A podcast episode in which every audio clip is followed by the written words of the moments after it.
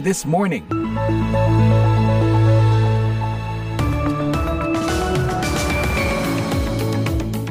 Selamat pagi, bertemu lagi di VOA This Morning, Senin 27 Maret 2023. Saya Madiwani, musim semi di Washington DC sudah membawa suhu yang lebih hangat. Di seberang kantor VOA, bunga-bunga tulip dekat alun-alun nasional juga sudah mekar menarik wisatawan dari dalam dan luar negeri. Terutama karena selama dua pekan mendatang adalah puncak mekarnya bunga sakura yang jumlahnya ribuan di Washington DC. Tapi musim turis tentu juga membuat lalu lintas di ibu kota macet dan para pekerja harus memperhitungkan perjalanan ke kantor. Di Indonesia juga mungkin mengalami macet ya, terutama pada jam-jam sibuk atau rush hour. Nah, di perjalanan atau di mana saja, VOA This Morning akan menemani dan di studio 17 VOA saya ditemani produser Jimmy Manan dan juga Eva Masreva yang sebentar lagi akan membawakan berita. Pagi ini ada laporan tentang pernyataan Biden bahwa Amerika akan melindungi personel Amerika di Suriah dengan keras dan tegas, menyusul dugaan serangan oleh pihak-pihak yang didukung Iran. United States does not does not emphasize seek conflict with Iran. Amerika Serikat tidak tidak saya tekankan mencari konflik dengan Iran. Selain itu, laporan mengenai tantangan Mahfud MD terhadap anggota DPR untuk membahas transaksi ratusan triliun rupiah yang mencurigakan. Salah satunya yaitu transaksi mencurigakan senilai 349 triliun rupiah yang melibatkan Kementerian Keuangan.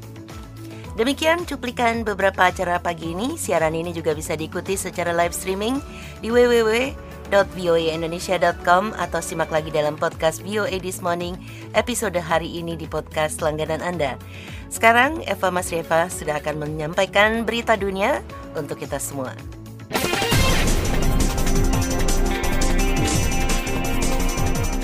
Pendengar, kita awali headline news pagi ini dengan sebuah breaking news. Perdana Menteri Israel Benjamin Netanyahu beberapa saat lalu memecat Menteri Pertahanan Yoav Gallant sehari setelah ia mengeluarkan pernyataan untuk menangguhkan rencana perombakan kehakiman yang telah memecah belah negara itu. Kantor Netanyahu belum mengeluarkan pernyataan lebih rinci tentang hal tersebut.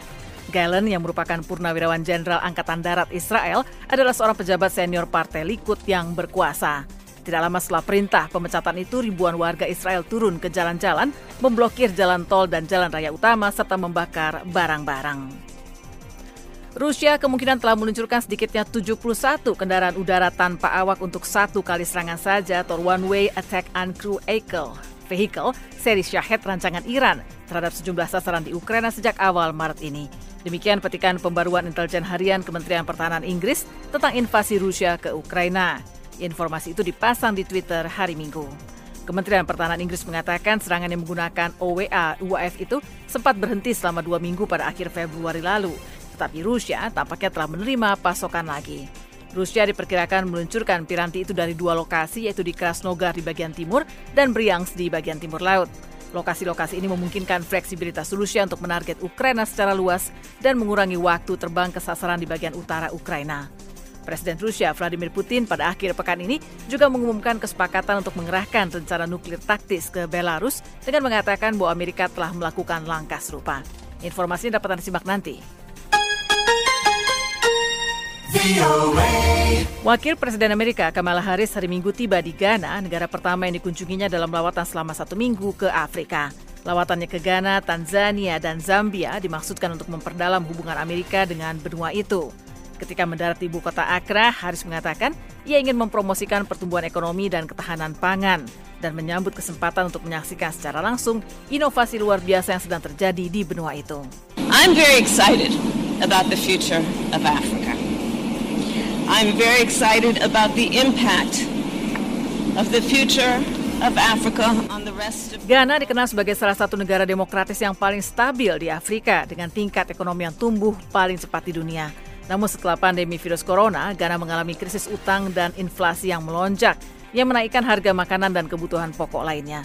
Negara berpenduduk 34 juta jiwa ini juga sedang mewaspadai ancaman akibat ketidakstabilan di wilayah-wilayah sekitarnya.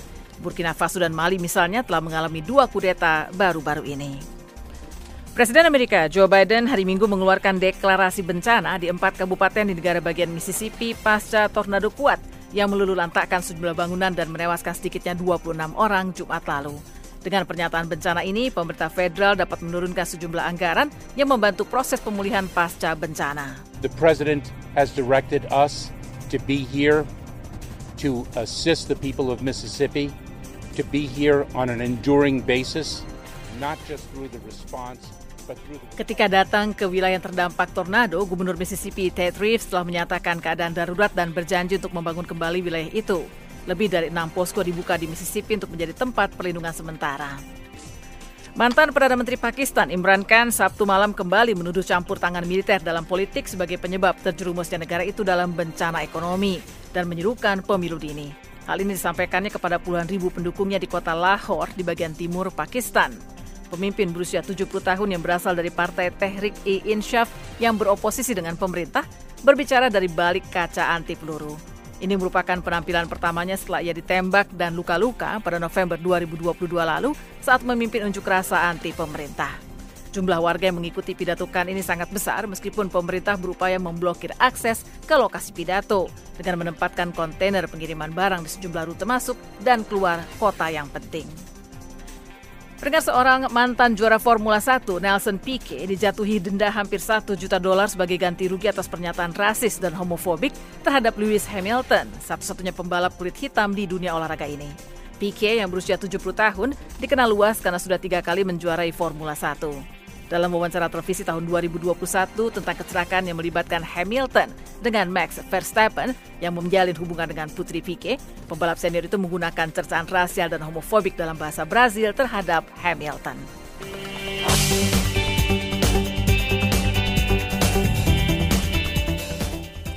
Pendengar, Presiden Amerika Joe Biden mengatakan Amerika akan merespon dengan keras dan tegas untuk melindungi warga Amerika setelah militer Amerika mengatakan pihaknya melakukan serangan udara di Suriah Timur Laut di Suriah Timur sebagai tanggapan atas dugaan serangan oleh kelompok-kelompok yang didukung Iran. Selengkapnya disampaikan Leonard Triono.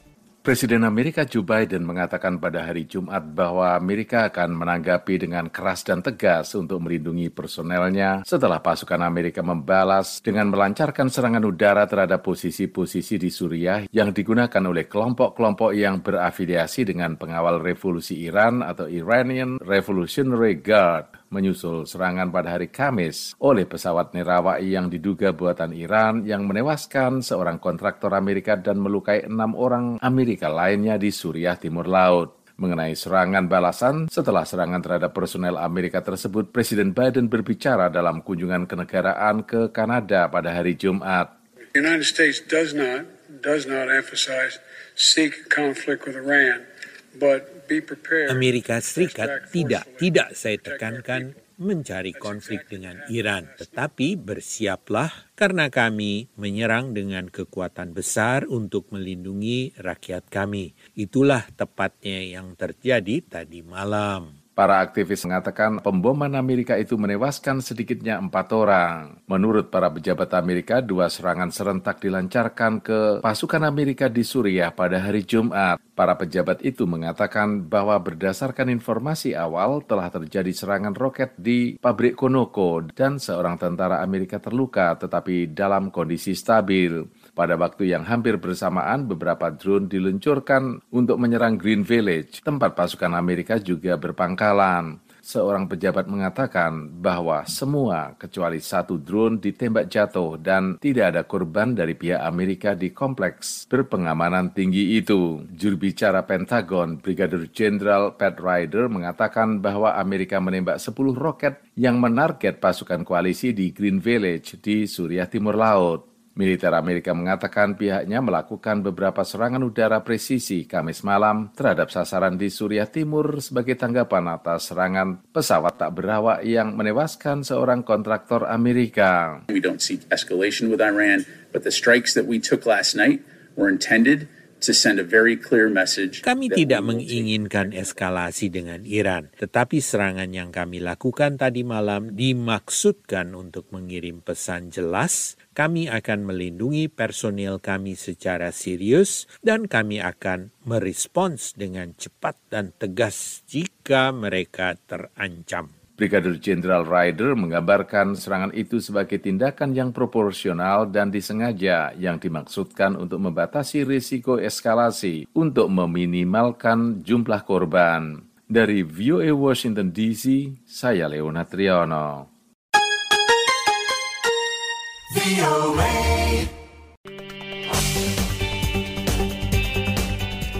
Sementara Amerika bersiap menjadi tuan rumah bersama KTT kedua untuk demokrasi di Washington, Presiden Rusia Vladimir Putin telah mengumumkan rencana untuk menempatkan senjata nuklir taktis di Belarus.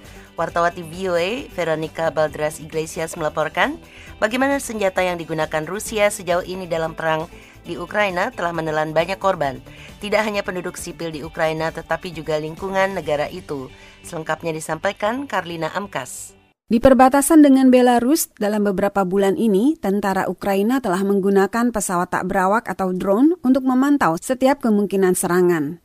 Sabtu lalu, muncul berita bahwa Presiden Rusia Vladimir Putin berencana menempatkan senjata taktis di Belarus. Не нарушая своих международных обязательств по нераспространению saya ingin menekankan ini tanpa melanggar kewajiban internasional kami terkait non-proliferasi senjata nuklir. Pada 3 April kami akan melatih kru dan pada 1 Juli kami akan menuntaskan pembangunan fasilitas penyimpanan khusus untuk senjata taktis di wilayah Belarus. Pengumuman Putin datang setelah Inggris mengukuhkan akan memberi amunisi penembus baja yang mengandung uranium terdeplesi atau produk sampingan dari pengayaan uranium kepada Ukraina.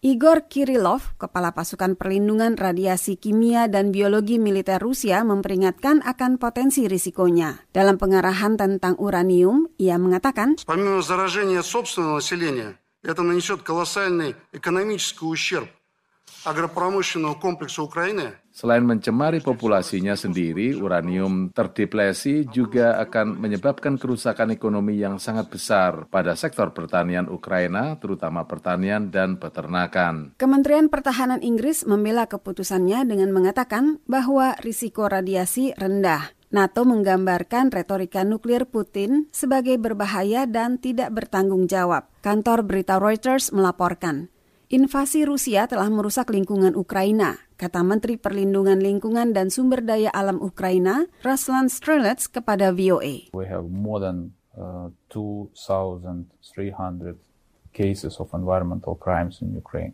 Kami memiliki lebih dari 2.300 kasus kejahatan lingkungan di Ukraina. Total kerugian lebih dari 51 miliar dolar Amerika. Kementerian itu mengatakan akan meminta ganti rugi dari Rusia. More than one third of all forest of Ukraine is destroyed. Dampak terbesar adalah polusi udara. Lebih dari sepertiga dari seluruh hutan Ukraina hancur. Akhir pekan kemarin, Presiden Ukraina Volodymyr Zelensky mengatakan kepada rakyatnya bahwa penjahat perang Rusia akan dimintai pertanggungjawaban. Zelensky akan bertemu secara virtual dengan Menteri Luar Negeri Amerika Antony Blinken untuk diskusi panel berjudul Perdamaian yang Adil dan Abadi di Ukraina. Pertemuan diadakan dalam KTT kedua untuk demokrasi yang akan dimulai 28 Maret di Washington. Karlina Amkas, VOA, Washington.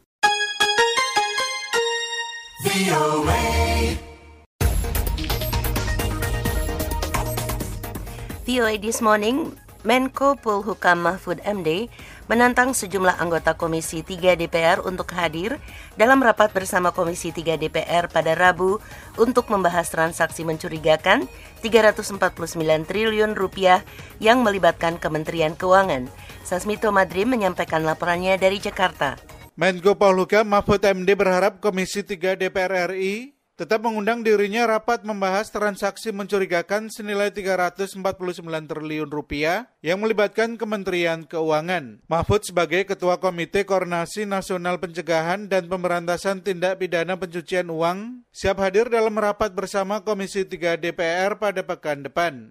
Ia menantang semua anggota Komisi 3 DPR RI yang mempertanyakan kebijakannya tentang transaksi mencurigakan ratusan triliun rupiah untuk hadir dalam rapat. Anggota DPR yang dimaksud Mahfud yaitu Benny Kabur Harman dari fraksi Demokrat, Arteria Dahlan dari fraksi PDI Perjuangan, dan Arsul Sani dari fraksi P3.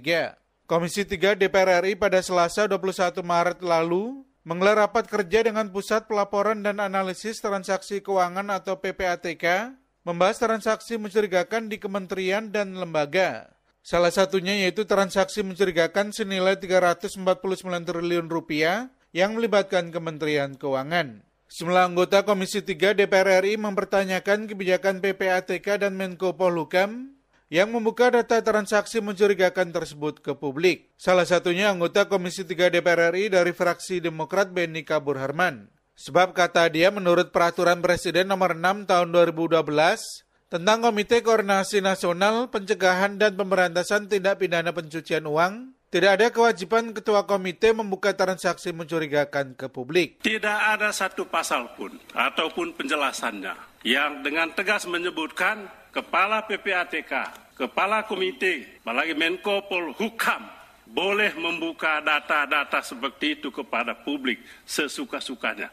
Benny Kaharman mengusulkan agar pemimpin Komisi 3 DPR RI mengundang Menko Polhukam untuk rapat bersama secepatnya untuk dimintai penjelasan terkait hal ini.